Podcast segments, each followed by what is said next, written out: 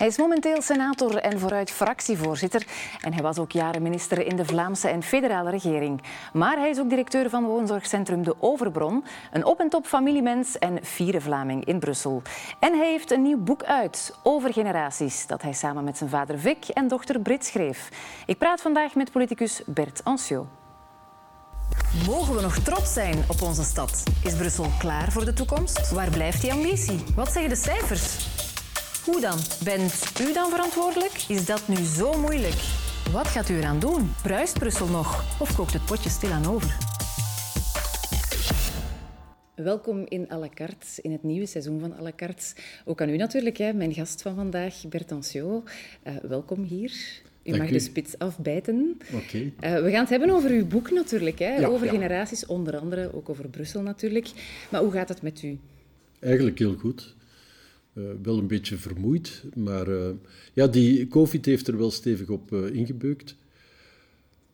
Maar laat ons zeggen dat die periode toch stilletjes aan achter ons ligt. En wij hebben eigenlijk juist 14 dagen een festival achter de rug in, in ons woonzorgcentrum in de tuin. En dat, dat gaf een enorme boost. Ook vermoeiend, maar heel aangenaam en heel, heel leuk voor de, Ja.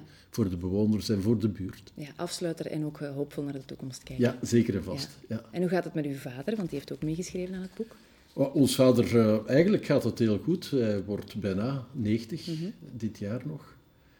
Hij is natuurlijk heel kwetsbaar. Mijn vader heeft al een hele poos kanker, maar dat is onder controle. Hij heeft hartproblemen, maar dat is onder controle. Dus eh, eigenlijk doet hij het heel goed en eh, we zijn blij dat hij er nog altijd bij is. En hij is nog altijd zeer helder. Dat heb ik ook begrepen uit het boek, ja. Die is er nog bij de pinken, hè? Ja, absoluut. Soms uh, vergeet hij wel eens een aantal zaken, maar hij onthoudt nog heel veel. Ja, ja. En uw dochter, hoe gaat het daarmee? Heel Brit, goed. die ook heeft meegeschreven. Ja, um, ja ons Brit, dat, is, uh, ja, dat loopt zeer goed met haar. Zij is nu afgestudeerd als arts en uh, is nu bezig met de opleiding voor pediater. Ja, die fietsen door het leven, hè, maar tegelijkertijd nemen die een heel groot engagement op naar anderen. En ja, dat kan er alleen maar fier op zijn. Ja. Op al mijn kinderen Ja. uh, ben ik echt Ja, ik pik haar er nu uit omdat ze meeschrijft, maar ja, er zijn tuurlijk. er natuurlijk. Hè. Maar het engagement, dat is waarschijnlijk, dat zal wel in de familie zitten, uh, heb ik begrepen. Maar hoe was het eigenlijk om ja, toch wel vrij diepgaande gesprekken te voeren met uw vader, met uw dochter? Wel, ja, fantastisch. Hè? Het is dankzij een vriendin van mij die... Uh, ja, een, een uitgever wou nog een boek met mij maken, maar in alle eerlijkheid, ik dacht, wie zit daar in godsnaam nog op te wachten? En toen kwam een vriendin van mij met het uh, idee, waarom doe je dat niet samen met Brit? Zij kent Brit. En waarom doe je dat niet samen met je vader? En dat heeft mij heel erg aangesproken en ik besef hoe, hoe uitzonderlijk dat dat wel is. Dat een boek mogen schrijven samen met je dochter en met je vader. Vooral omdat, ja, laat ons eerlijk zijn, mijn vader wordt 90, hij is heel kwetsbaar. Uh, zo heel veel gaat hij niet meer schrijven. Mhm. En dan, ja, dit blijft toch voor de eeuwigheid en uh, daar ben ik heel dankbaar om. En je ziet ook een echte evolutie in, tussen die generaties. Het samenspel vind ik Ja. echt wel de moeite. Ja, ja, het is een wisselwerking ook, Ja, als je het ja. leest. Maar um, is alles besproken of waren er een aantal taboes ook? Uh, Er zijn geen taboes uh, op voorhand gezegd. Nee, eigenlijk, ja, ik kan alleen voor mijn eigen spreken. Uh, ik vind dat ik heel openhartig ben geweest. Misschien wel te openhartig. Ja? Spijt van bepaalde zaken die u heeft Maar geschreven? Spijt niet, maar ik, er zijn ook zaken waar dat ik iets over heb geschreven, maar daar wil ik het dan ook bij laten. Ik ga daar geen andere Ja, uh, interviews rond af, nee, daar afleggen. moeten mensen het boek voor lezen. Daarvoor moeten de mensen het boek lezen, maar ja, ik vind wel dat ik me opnieuw heel kwetsbaar heb opgesteld. Ja. En wat hebt u over uzelf geleerd tijdens het schrijven of tijdens de gesprekken? Eén, je ziet toch een, e- echt een evolutie. Ja, laat ons zeggen dat ik een beetje geëvolueerd ben tussen de situatie waar mijn vader in is opgegroeid en de situatie waar mijn, mijn kinderen in opgroeien.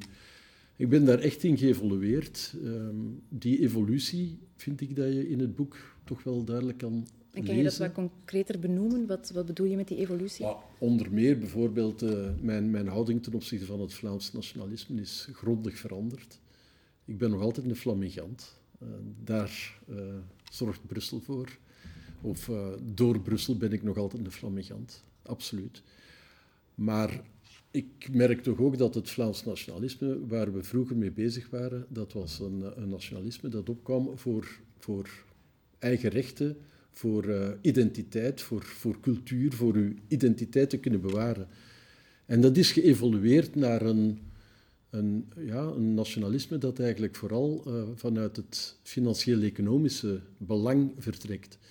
En ja, daar heb ik het heel moeilijk mee, ja, met die evolutie. En dat, dat, merk je ook bij mezelf. En twee, wat ik ook wel heb geleerd, dat is, ik relativeer mezelf nog veel meer dan daarvoor. En de laatste jaren was dat toch al deftig. Ja, ik ga, ik ga, er even een quote bij halen die mij wel bijbleef. Langer dan een week met ongebreidelde macht vertrouw ik mezelf niet. Vond ik wel een straffe uitspraak. Zit eerder aan het einde van het boek. Hè? Ja, het was natuurlijk na de vraag, als ik me niet vergis... Ehm, Wat als je ongebreidelde macht zou krijgen? Ja, ja, ja. ja. ik ben een democraat, maar ik kan me inbeelden dat uh, voor heel korte periode, maar echt heel korte periode, ik wel eens zin zou hebben om, om zware beslissingen te nemen. Ik denk dat uh, als je alle macht in handen hebt, dat ik wel het, uh, het klimaatprobleem voor een groot stuk zou oplossen. Ja. Dat gaat uh, spijtig genoeg Um, ja, er, er gaat nog heel veel water door. Ja, dat gaat nog veel tijd vragen en die tijd is er niet meer. Dus ik zou die macht wel eens willen gebruiken, echt willen gebruiken. Maar te lang ook niet, want uh, elke mens die een beetje te veel macht heeft, misbruikt die. Mm -hmm. uh, ik heb er te veel gezien die macht misbruiken. Macht op zich is niet erg, maar... Uh, het is hoe je ermee omgaat, natuurlijk. Ja, ja. ja. te lang, nee. Nee, één week was zeker genoeg. Ja, maar het is een interessante denkoefening natuurlijk. Ja, Want broederlijkheid of broederschap, daar gaat het ook heel vaak over, uh, vooral in uw stukken. Wat is dat voor u juist? Natuurlijk, als ik een synoniem moet geven van broeder, broeder, broederlijkheid, dan, uh, dan zeg ik solidariteit. En voor mij is solidariteit onvoorwaardelijk. Uh, dat is niet voor iedereen zo. En ook niet voor iedereen die zichzelf sociaal of socialist noemt. Voor mij is ja, solidariteit wezenlijk, maar broederlijkheid is net nog iets meer, omdat solidariteit heel vaak gaat over materiële aangelegenheden. Belangrijk, zeer belangrijk, maar die broederlijkheid, dat is het, het waarderen van andere mensen, het, uh, het, het, het, beseffen dat, dat we allemaal uniek zijn, dat we allemaal ja, een identiteit hebben die we moeten koesteren die we zelf moeten koesteren, maar ik moet ook uw identiteit koesteren. En die broederlijkheid, ja, die, die, die lijkt wat vergeten. Ehm, de Franse revolutie sprak over vrijheid, gelijkheid en broederlijkheid. Die vrijheid en die gelijkheid, dat is goed en belangrijk, maar als die broederlijkheid wegvalt, wordt dat iets koud, wordt dat iets kil en bij momenten gevaarlijk. Dus die drie eenheid die is voor mij echt wel essentieel. Ja, het ene kan niet zonder, het andere eigenlijk. Ja. Het is een mentale solidariteit misschien. Ja, en eigenlijk heeft het voor mij ook veel te maken met actief pluralisme, met interculturaliteit, het, uh, het waarderen van verscheidenheid. Ja. wat er ook in Brussel is natuurlijk. Hè. Ziet u Brussel nog graag? Oh, ik zie Brussel heel graag. Ik heb Brussel altijd heel graag gezien. Maar hoe meer dat je van iemand houdt, hoe meer dat je ook merkt dat je ook wel eens hem of haar haat. Ja, de mindere kantjes komen De mindere kantjes komen ook wel boven. En ja, hoe, hoe zwaar ik ook uh, Brussel, ja, verliefd ben op Brussel, nog altijd, al heel mijn leven. En ik ben iemand die een Brusselaar is. Uh, er zijn veel mensen die hier de plak komen zwaaien, maar die eigenlijk eh, nooit Brussel echt hebben meegemaakt al in hun jeugd. Maar hoe meer... Ja, ik, ik ben ook wel uh, kwaad op hoe het functioneert soms. Hoe die, die grootheidswaanzin, die uh, absurditeit om... Uh, ja, u spreekt in het boek ook over een Brussels nationalisme, hè? Absoluut, absoluut. Ik merk elke dag... Kijk, in, in Brussel is er terecht, ja, ik heb daar ook moeilijkheden mee, terecht een, uh, een probleem met het harde, rechtse Vlaams nationalisme dat je toch wel ja, terugvindt, en zeker in, in, in een aantal heel grote partijen in Vlaanderen. Um, maar het antwoord daarop is niet dat Brussel ook een nationalisme hanteert. Het Brussels nationalisme is nu een tegenzet tegenover dat Vlaams nationalisme. Daar waar Brussel, Brussel moet zich niet afzetten tegen Vlaanderen en Wallonië. Brussel zou terug de hoofdstad moeten zijn van iedereen in dit land. En dat doe je niet door, uh, door te proberen grenzen daar rond te creëren en, en alleen nog maar met, u, met uzelf bezig zijn. Dat is nationalisme. De, er zijn, er zijn uh, politici in Brussel die denken dat, uh, dat de wereld begint en eindigt met Brussel. Brussel is een stad, een fantastische stad, met fantastische mensen, met enorme uitdagingen, maar we liggen wel in dit land. Wij, wij zijn verbonden met Vlaanderen en met Wallonië. Wij zijn een, een onderdeel van Europa en van de wereld. En, en uh, het is niet goed om dat vanuit een strikt nationalistische reflex te bekijken. Ja, want de, de, er hangt ook een hè, nieuwe staatshervorming in de lucht.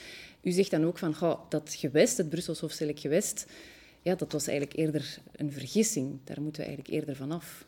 Maar of toch is... zeker al niet van de gemeenschappen. Hè, die, die... Ja, voilà. Uh, ik, ik vind uh, de gedachte om gemeenschapsbevoegdheden, die net over de grensjes heen kijken, om die te gaan regionaliseren, ik vind dat verschrikkelijk. Ik vind dat verschrikkelijk gewoon omdat, ja, laat ons eerlijk zijn, ik heb dat heel mijn leven al gezien, als je uh, eentalig Nederlandstalige organisaties uh, tweetalig maakt, dan maak je ze de facto Franstalig. Binnen de kortste keren worden ze ver verfranst. Ik zie dat overal. In alle organisaties is dat zo. Uh, die tweetaligheid in deze stad wordt van geen kanten ge, uh, uh, gerespecteerd. Zeker al niet in welzijn en in de zorg. ja, de Zijn we altijd te, te laks om met dat Nederlands? Ook als Nederlandstalige dan? Ja, absoluut. voor alle duidelijkheid, ik vind dat de bevoegdheid voor het afdwingen van die taalwetgeving zou federaal moeten liggen. Het is te moeilijk om dat alleen in de schoenen te schuiven van die van die Nederlandstalige excellenties van de Brusselse hoofdstedelijke regering. En, en ik weet dat uh, zeker Senegats daar ook een grote bezorgdheid rond heeft. Maar je merkt dat uh, Brussel er niet in lukt om, om deze stad gewoon tweetalig te maken, om de rechten van Nederlandstaligen te laten uh, respecteren. Ik vind dat een fundamenteel mensenrecht. En ligt de jongere generatie daar nog wakker van? De, want u schrijft ook zelf van ja, de, de nieuwe generatie Vlamingen in Brussel is daar minder mee bezig. Ja, maar Zijn we dan de historie misschien wat vergeten van hoe hard er gestreden is voor dat Nederlands in Brussel? Zonder enige twijfel is men dat vergeten. En uh, je kan... Kijk, ik zie dat bij mijn eigen kinderen ook. Hè. die die, die uh, spreken eh, met uh, vlot gemak uh, spreken die Frans, Engels, Duits. sommige van mijn gasten ook Spaans. Dus die kunnen zich wel in heel de wereld uit, uit, uit de slag trekken. Maar er zijn nog altijd tienduizenden, meestal oudere Vlamingen, die, die, ja, die wel in. Ja, waar, dat, waar dat gewoon geen zorg voor is, die men in zogenaamde tweetalige woonzorgcentra steekt steekt, uh, waar dat geen woord Nederlands wordt gesproken. Als ze opgenomen worden en ze worden naar Paul Brien in Schaarbeek gevoerd uh, met, de, met de 100 of 112, dan komen ze daar terecht bij Franstalige dokters die het vertikken om één woord Nederlands te spreken. Ik vind dat misdadig. Hoe kunnen die, die, mensen, die mensen zitten in hun laatste levensfase. Gun die toch het plezier om in hun eigen taal te kunnen uh, gelukkig nog zijn die laatste jaren. ook al natuurlijk. En, en, en uh, effectief ook gezondheid kunnen krijgen. Ik vind, ja, en, dus ik bepleit heel sterk dat men afblijft van de gemeenschapsbevoegdheden. En ik vind ook dat Brussel moet nadenken over het feit of dat ze niet beter terug hoofdstad wordt. Natuurlijk met een aantal gewest, gewestelijke bevoegdheden. Een fusie van de 19, uh, een, terug de stad Brussel, de hoofdstad Brussel men mag als stad alles doen, uh, maar een aantal zaken zijn, zijn, zijn aan het verkeerd lopen. Geef Brussel toch niet de bevoegdheid om, om uh, uh, metro's aan te leggen. Laat dat toch door, door, door de federatie gebeuren. Iedereen weet dat er moet in Brussel een metro komen naar, naar, ja, naar Mechelen, naar Leuven, naar Aalst, naar Nijvel. Maar die gaan er nooit komen van, uh, zolang dat men met dat Brusselse hoofdstedelijk gewest zit. Dus op bepaalde punten moet men echt nadenken, hoe, wat is in het belang van Brussel? En dan denk ik dat het veel beter terug een hoofdstad kan zijn, dat in harmonie samen uh, leeft in, met Vlaanderen en met Wallonië. een aantal zaken alleen doet, maar ook een aantal zaken door de federatie, door de Belgische federatie laat doen. Ja. Ja, dat is duidelijk hè, wat u erover vindt, of wat, als er een uh, staatshervorming komt. Even naar uh, de Overbron, uw woonzorgcentrum. Dat is wel eentalig uh, Nederlands. Ja. Is dat geen Sisyphus-arbeid om dat zo te houden? Dat is een heel vermoeiende arbeid, dat geef ik toe. in, in die zin dat, maar je vindt eigenlijk toch wel goed personeel hoor.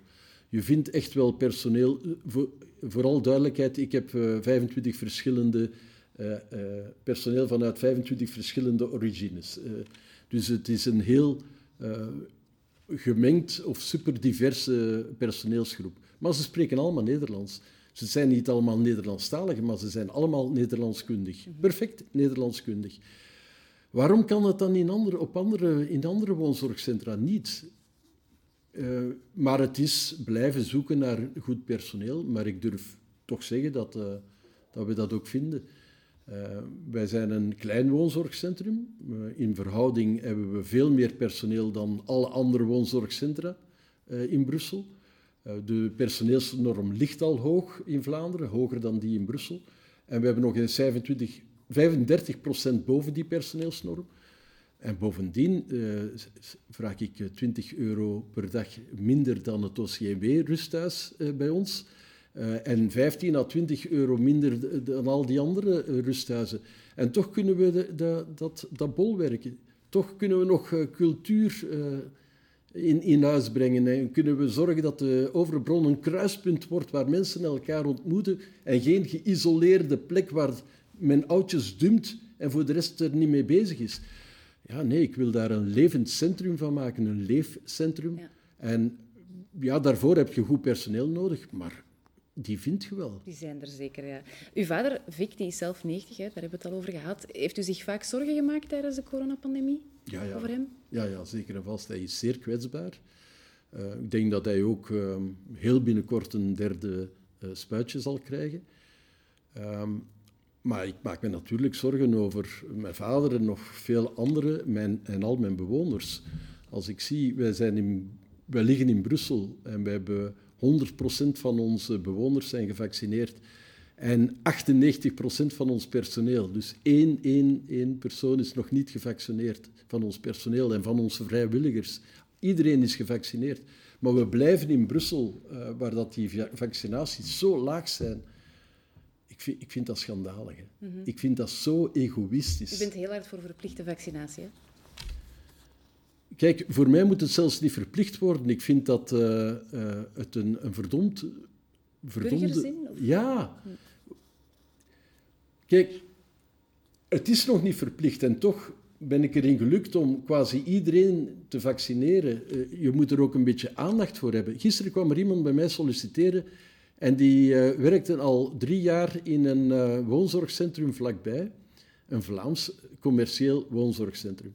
En die kwam bij mij solliciteren en uh, ik vroeg, ben je gevaccineerd? Want we zaten buiten en anders doe ik mijn mondmasker af. Ah nee, nee, nee, zeg, ik sta op de wachtlijst. Ik zei, ah, in Brussel op de wachtlijst? Ja, einde september uh, krijg ik uh, mogelijk een eerste prik. Het kan ook in oktober zijn. Ik zeg, meisje, maar dat is onzin. Hè? Ik kan met u direct naar een supermarkt gaan en je krijgt onmiddellijk een vaccin. Ja, ja, nee, ik heb geen tijd gehad. En dan denk ik, geen tijd gehad? Je werkt al drie jaar in een woonzorgcentrum. Heeft, dat, heeft die directie dan geen enkele impact? Hebben die geen moeite gedaan om hun personeel te laten vaccineren? Ik begrijp dat niet. Mhm. Ik vind het uh, zo egoïstisch om u niet te laten vaccineren. Echt puur egoïstisch. Ik zie het, ja, je wordt er kwaad van. Ja, Ziet u zichzelf ooit in een uh, woonzorgcentrum zitten? Als de dag daar is als dat een woonzorgcentrum is en mijn doelstelling is om mensen die binnenkomen, die mogen, moeten kunnen blijven wat dat ze daarvoor deden, als dat een woonzorgcentrum is waar dat bewoners echt uh, ja, uh, zichzelf kunnen blijven en ook die activiteiten verder kunnen blijven doen, ja, dan is dat veel, veel, veel, veel beter dan eenzaam op een appartementje zitten. Uh, bij ons gebeuren er heel veel activiteiten. Ik ken veel mensen die eenzaam op een appartementje zitten en die daar wegkwijnen. Zeker in de dus, grootstad. Zeker bij ons hier in Brussel. Dus uh, ja, ja, maar ik heb gelukkig een heel jonge vrouw die wellicht uh, voor mij zal dat zorgen. Is ook wel slim bekeken natuurlijk. Hè? Niet alleen daarvoor. Ja, maar wie weet wordt er dan nog een volgende boek geschreven, of het laatste boek van uh, Bert in een uh, woonzorgcentrum. Het zou zomaar kunnen. Hartelijk dank voor uw Graag komst. Mijn tijd is al op, maar het boek blijft natuurlijk over generaties. en het heeft een ondertitel, hè, Vlaams, Sociaal en Zorgzaam. Dank u wel, Bert Anciot. Graag gedaan. Bedankt ook voor het kijken thuis. Volgende week kan je de drie generaties Anciot ook lezen in ons Brus magazine.